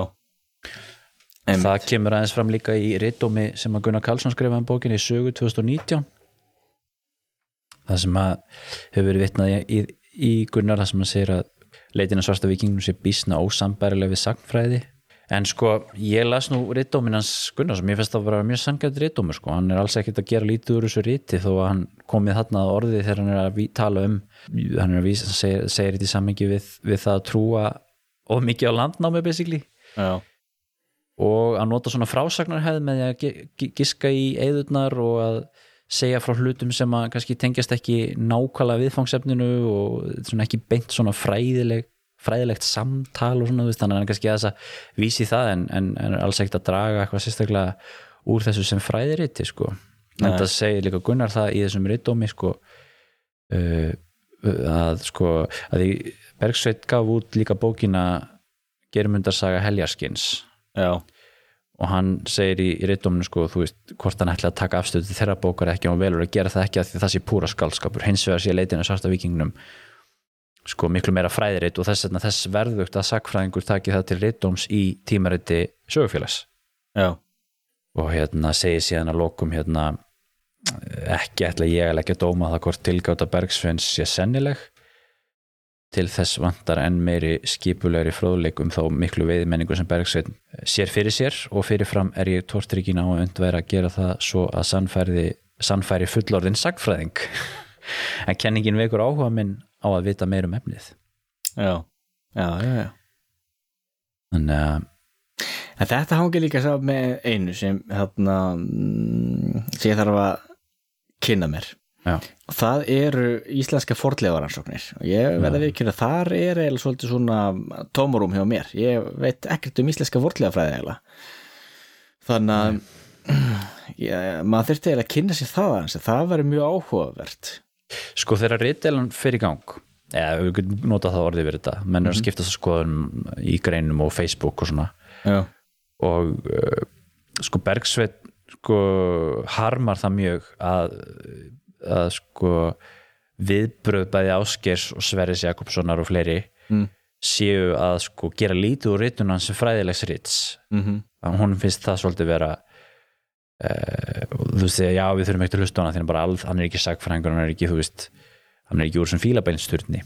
Já, og hérna sko, hvað ætlaði að segja um það? Já, hann, hann, þú veist, þetta segir menn, þetta er náttúrulega bara áratöðar ansóknir og þú veist, og því hefur verið haldið fram að þetta sé ekki rítringt hafnar því að þetta sé vissulega rítringt, það eru margir tugir fræðinga frá mismunandi sviðum búin að taka afst- afstöðu til uh, leitin að svarta vikingnum þegar svo bók var í vinslu og fullt af sagfræðingum og fordlegafræðingum og, og Mm. Já, hérna, nefnir nafngreinir, nafngreinir fordlegafræðinga þessu Óra Viestinsson til dæmis í bókinni sko.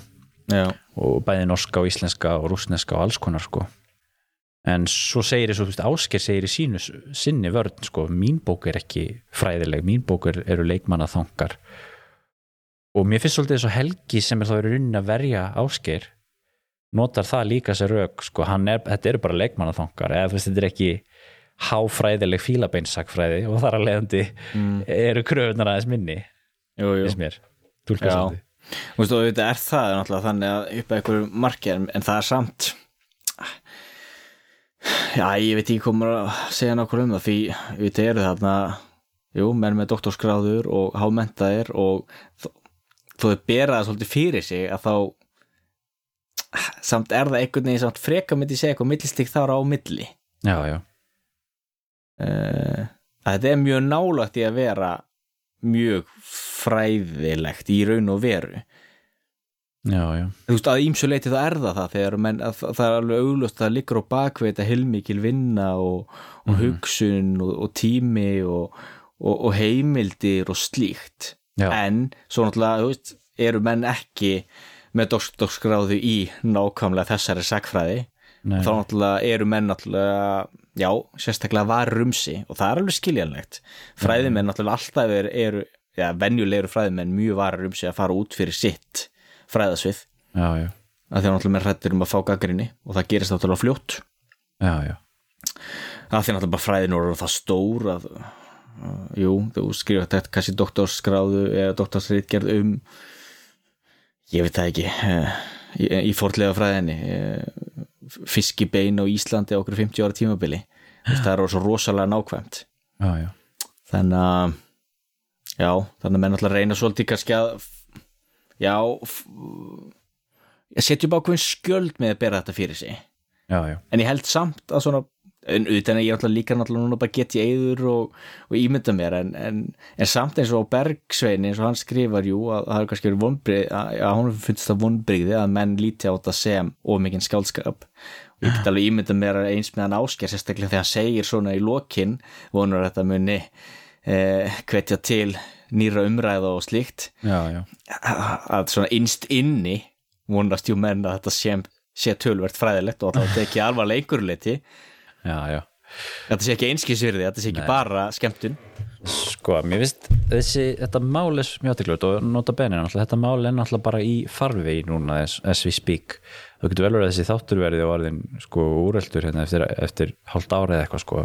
Já, og þú veist það er búin að vera, þetta er búið að vera bara fréttamál og þetta vakið mjög mikla aðtegli já, og hérna margir sko, maður sér það svolítið í umræðinu um þetta mál. þú veist það, það fólk er að skrifa greinar um þetta og fólk er að fara mikinn á samfélagsmiðlum um þetta mál. Mm. og margir hafa alls konar skoðan um þetta mál og mér finnst svona eins og fólk sé annars vegar an, annarkvort sko pró ásker eða pró bergsveit já, og maður sér það svolítið í þessum, á þessum samfélagsmiðla hérna, umræðum sko. Og það hafa komið greinar sem að þú veist að veri byrtar e, sem eru þú veist pró bergsveit og svo er, þú veist, eru aðrir að skrifa eins og Sigur Már Jónsson blaðma að skrifa leikmenn og landnáma grein en Já. á mbl.is sem er svona fyrir eitthvað pró ásker Viðar Hreinsson, bókmyndafræðingur skrifaður inn á vísi.is um, svona pró bergsvein grein. Já, og svo sér maður fólk í kommentum alveg á fullu sko og hérna og ég er að hugsa hvort að sko einmitt, ef þetta hefði verið sko ef Bergsveinn hefði verið segjum sakfræðprofessor hérna vinnir í Háskóla Íslands og áskil líka mm og þeir hefði verið að skrifa þú veist, eitthvað svona fílabeinsrit báðir. Já, já, þá er þetta kannski ekki alveg verið en, en að því þetta er, að því þetta er sko að því að sko því áskýri sælabankastjóri menna hann er profilerað maður. Það. skiluru og saman tíma er Bergsveit náttúrulega vel þekktur og vel um, virtur rithöfundur skiluru og er Já, alveg inn í menningarsenunni og svona veist og það er kannski út af þessu líka sem þetta er að fá svona mikla aðdegli og svo Já. kannski einmitt að því að þú veist það er þetta skiluru þessi fræðimennska versus leik leikmannaþangar eða þannig veist, það er þema sem er svo viðkvæmt og, er svo, og líka því þetta er landnámið og þetta er landnáma og þetta er þessi menningar arfur sem við eigum öll og við höfum öll skoðun á. Mm, algjörlega. Og, og það er alltaf þessi og það er enginn svo, svo hræðilegt fyrir sagfræðinga að vera svona ó, upp í fílabunstundunum og segja sko þú mátt ekki við eigum þetta ekki þið og svona skilur og ertu með veist, eins og sem sagt að annarkvæð bóndi og Suðurlandi kann njálu sko utan að og eitthvað svona. Já, já, veist, þessi tókstreita sem er alltaf til staðir í sagfræðinni já, og það að skrifa fyrir fræðimenn og það að skrifa fyrir almenning. Og Bergsveitin er náttúrulega klálega að gera út af það að skrifa fyrir almenning. Mm, áskil vissulega líka. Já, já og þetta er alveg mjög góða punktur í þær Vist þetta vera svona rauði þráðurinn í málinu? Já, það er það í raun, maður getur alveg sagt það. Já, Þannig, að- og Bergsveit líka hann náttúrulega er uh, sko ég las nú grein eftir hann í norsku við norskan fjölmiðil sem ég held nú að hann hafi líka tekið á íslensku við eitthvað íslenskan fjölmiðil hann sem hann er að tala um sko að hann hafi hætt í sko akademíunni af því að honum fannst fræðmennskan vera búin að missa þetta manneskjulega touch. Já, og hann Já. segir, segir hérna sko, sko við erum búin að gleyma af hverju við köllum, köllum þetta hug, hérna, mannvísindi. En það er að þetta manneskjulega aspekt er horfið og fræðmenn eru svo mikið að þú veist, einblína með smásjá á ykkur, þú veist, smáatriði skilur og, og að reyna að fylla upp rannsóknar kvótan sinn og, eða rannsóknar hérna, stígin sín. Og er ekki skrifið fyrir almenning og þú veist, og þetta sé orðið svo fyrst sko. Því er ég svo sammála. Því hérna þetta var, hefur líka verið hluti svolítið að minni vegferð, ég er náttúrulega búin að fara inn tölvört af deildum og, og lært aðeins. Já, og mér finnst ég mitt uh, sjá þetta svo oft og er aldrei leiður á þessu. Þetta er svona hlutaðið um safkur ég gaf það alveg upp á bátinn að ætla að sækja um einhverja styrki og vera að skrifa doktorsritgerð á okkurum styrkjum og, og við einhverja háskóla og eitthvað slíkt. Þetta mist að vera svo fyrt mikið af þessu. Og í einhverjum svona fílabeinsturnum og þá hugsaði ég mig frekar og ef mér langt til að skrifa doktorsritgerð þá ger ég það frekar bara á eigin forsendum í eigin frítíma. Já, já. Já, já. að því menn er svo upptekinu af smáatriðum og sjá ekkert nema sinn litla sjónarhól. Jú, jú og hérna svo eru fræðimenn, fræðimennska náttúrulega alveg á kafi kenningum og alls konar. Já, já, og hérna, mikið af því er jú voðalega sérstakt. Já, hann Bergsveit segir það í viðtalinu hann við þennan norska fjölmiðl að fræðimenn, sko eftir hann hætti í akademíunu og fór að skrifa svona röksögu eða sögulandskaldskap eða hver, hvernig nota það, ég hef ekki lesið meira eftir hann, hann er alltaf skrifað fullt af bókum. Já, uh, það sem að fólk hefur sagt sko, fræðimenn hafa komið og sagt sko, við vittnum ekki í þig en takk fyrir að gera þetta. Því já, að við kunnum að meta þetta sem þú ert að gera. Já, og gaggrínir sko einmitt þetta með rannsóknastegin og, og hérna og leggur til sko að þetta breyta þessu rannsóknastegakerfi sko. Þannig að fræðimenn fái stig fyrir að skrifa fyrir almenning.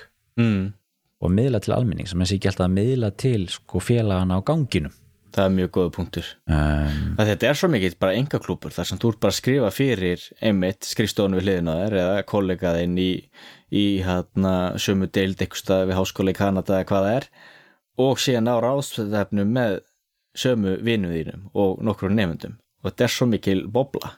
Já ég veit ekki ég Það var allavega mín upplifin þegar ég hef verið á svona ráðstöfnum og hef verið að kynna mér sér skrif og verið að lesa þessi greinar. Ég lesið hellinga á svona dæmi já, já, og eins og í guðfræðdeildinni eða hvort í sakfræðdeildin eða í heimsbygginni, þú veist, þetta er svo mennur einhvern veginn fasti bara í sinni eigin litla heimi og sjá eða ekkert neitt annað en það.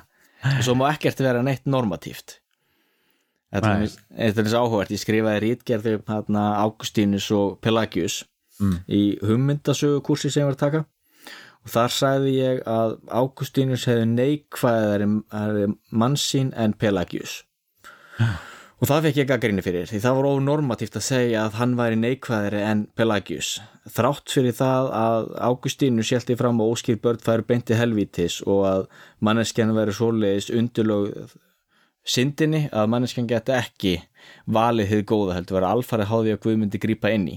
En sko Þannig að- og það var sem mér og þetta var sem var svo típist fyrir fræðmennskuna nei þú máttir ekki segja að þetta væri uh, neikvæðar, þú eru alveg alveg já, hlutlaus. Já, en þannig er þú í hlutverki nefnda og þannig er ykkur á leiðbeinandi sem er meistarastigi að- þar sem þú átt að vera Já, já. sjálfstæður og vinna einrannsóknum líka. Algjörlega, en þú veist, þú ert samt sko, og það sem er hluti af fræðmennskunni er að, er að vera stöðut í kritík og taka gaggríni og svara gaggríni já, og ef maður getur ekki tekið gaggríni þá á maður ekki teimi fræðmennsku Já, já, algjörlega, en það var líka hluti af því og það ég heyrið allir með allir þessum prófessor sem var að kenna að hún var mjög gaggrinnin út í þannig að hann sem skrifaði allir, námsbókina í þessum kursi einu aðal námsbókunum því hann var of normatífur.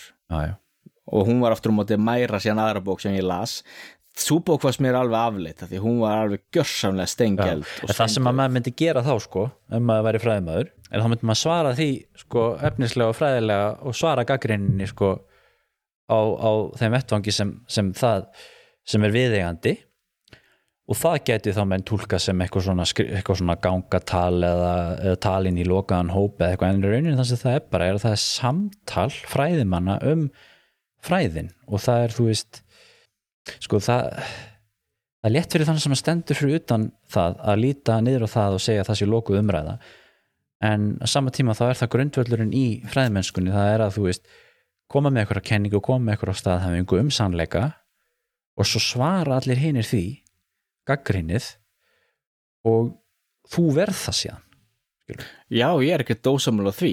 Og þetta hafa kannski ekki allir, al, allur almenningur áhuga á því að fylgjast, fylgjast, fylgjast með því í detail sko.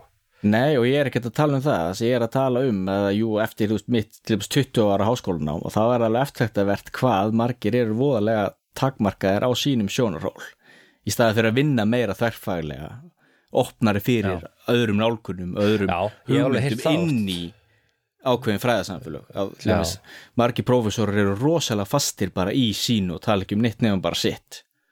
Og það dæmis bara feiki munur á námskeiðum eftir því hvort það þessi prófessorn sem hafði það eða einhver annar.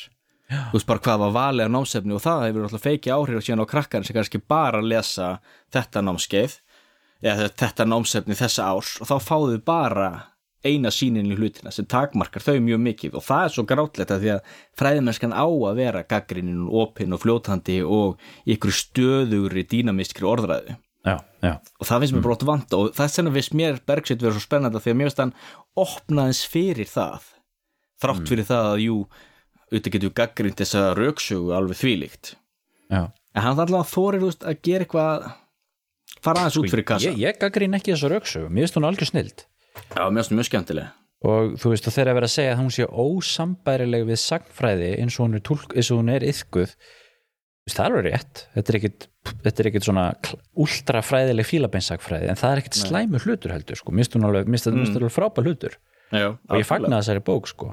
Hún og, og ég alveg segi ég, ég, ég bara uh, þetta er eilífs þema hvernig sagfræðin á að vera miðlu til almennings og þessi mm. tókstur þetta á milli, milli al, al, alþýðu sagfræði og fræði sagfræði og allt það sko Já. og ég skal algjörlega kaupa það að, hérna, að þú veist að, að, að sagfræðingar þurfa að vera duglega að miðla til almennings og allt þetta, bara 100% sammála því en á sama tíma þá uh, er það nú mín skoðun að sko, við skulum ekki ekki grafa undan fræðunum vegna þess að ég held veist, það er grundvallar aðrið fræðunum að þau eru gaggrinn og þau eru í endur nýjun og að þau byggja á gaggrinni hugsun og, og hérna og þú veist, reytrýni og allt þetta skilur þetta, þetta er, þú veist, við, við mei, verðum að passa okkur að fara ekki frá þessu.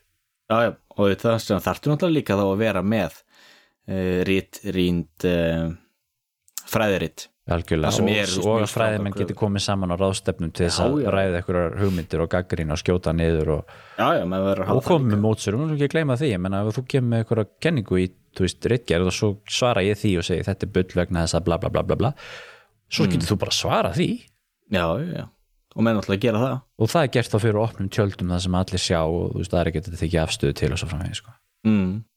en kannski er ég með eitthvað naíf viðhorf til fræðimennskunar verandi kannski komið svolítið úr því en, en ég veit það ekki.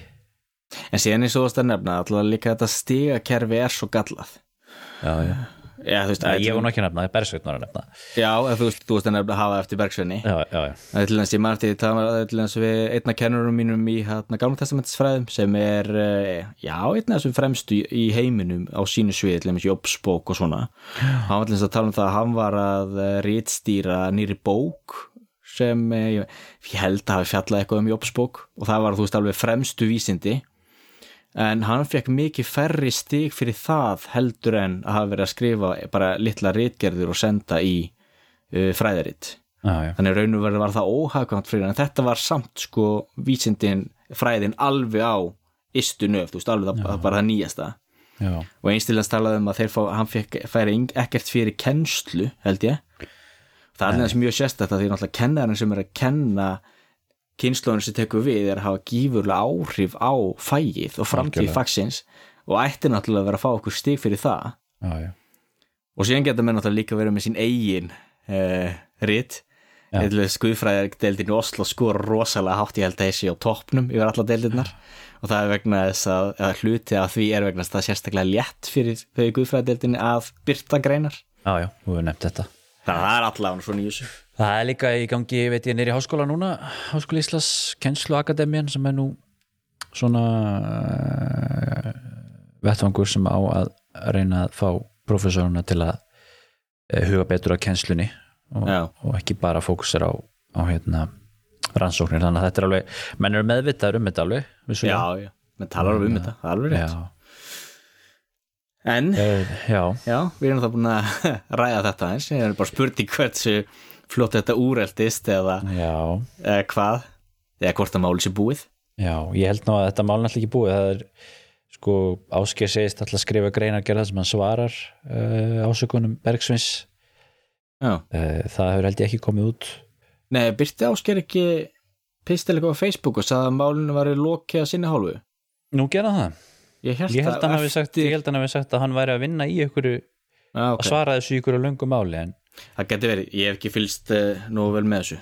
Nei, en, en sem sagt Bergsveitin er alltaf líka búin að skjóta þessu fyrir síðanemt Háskóla Íslands sem að tekur þetta mál fyrir sko næsta sumar eða eitthvað. Alltaf gerist mjög hægt. Já, og svo reyndar voru fréttir af því að Bergsveit að það væri mögulegt að þetta geti farið fyrir dóm í Nóri já, ok. Út af því að bókin er upprænlega gefin út í Nóri sko, þannig að höfundurétturinn er uh, undirlaði norskum höfunduréttarlögum Já, já, en ég er svo sem selja ekki dýran í kifta ég held ég, þetta var bara eitthvað frétt sem ég sá hann á vísi. Við fylgjumst eitthvað aðeins með þessu. Er ekki stæðs með þessu en allavega mjög góða bækur uh, og bara hvert hlustendur til að ég náttúrulega hef ekki lesið bók áskers ég hvert hlustendur til að lesa bók Bergsveins, hún er alveg Já. æðislega bók já, og ég kveld líka til þess að lesa um Eiguna Singurs, hún er áhugaverð lesning þannig að við kannski að það sé niðurstaðan. Lesa þessar tvær bækur. Algjörlega og mjög áhugaverðar kenningar um þetta veiðimannasamfélag og, og þessa, þetta þrælahald og þessa rostunga og þetta er allt þessu mm. eins og við vorum að tala um aðan frekar nýtt að nálinni, menn þú, þetta verður ekkert verið að skrifa um þetta hérna í kringum 1990 Nei, Þú veist, þannig að þetta eru um mitt, vitneski okkar um landnámi alltaf að þróast.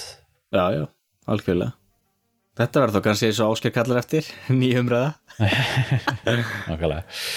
Herðu, ef að fara að segja þetta gott í bili? Já, þetta komið gott. Þú ert að næstar ég hitt, næstar við tölum saman þá menn þú vendanlega vera komin norðu til Bjarmalans Já, það er spurning. Ég held í Bjarmalandsförum mína á morgun. Já. Þannig að það er áhugaður hvað tekur á móti mér þarna. Já, það verður spennandi að fylgjast með því Herðu, þá þökkum við okkur í dag að flaðarpinu sögur skoðun við mætum hér aftur fjallress í næsta þætti uh, af uh, hressandi umræðum. Já. ekki bara, Júp, við gerum það. Verið þið sæl. Verið sæl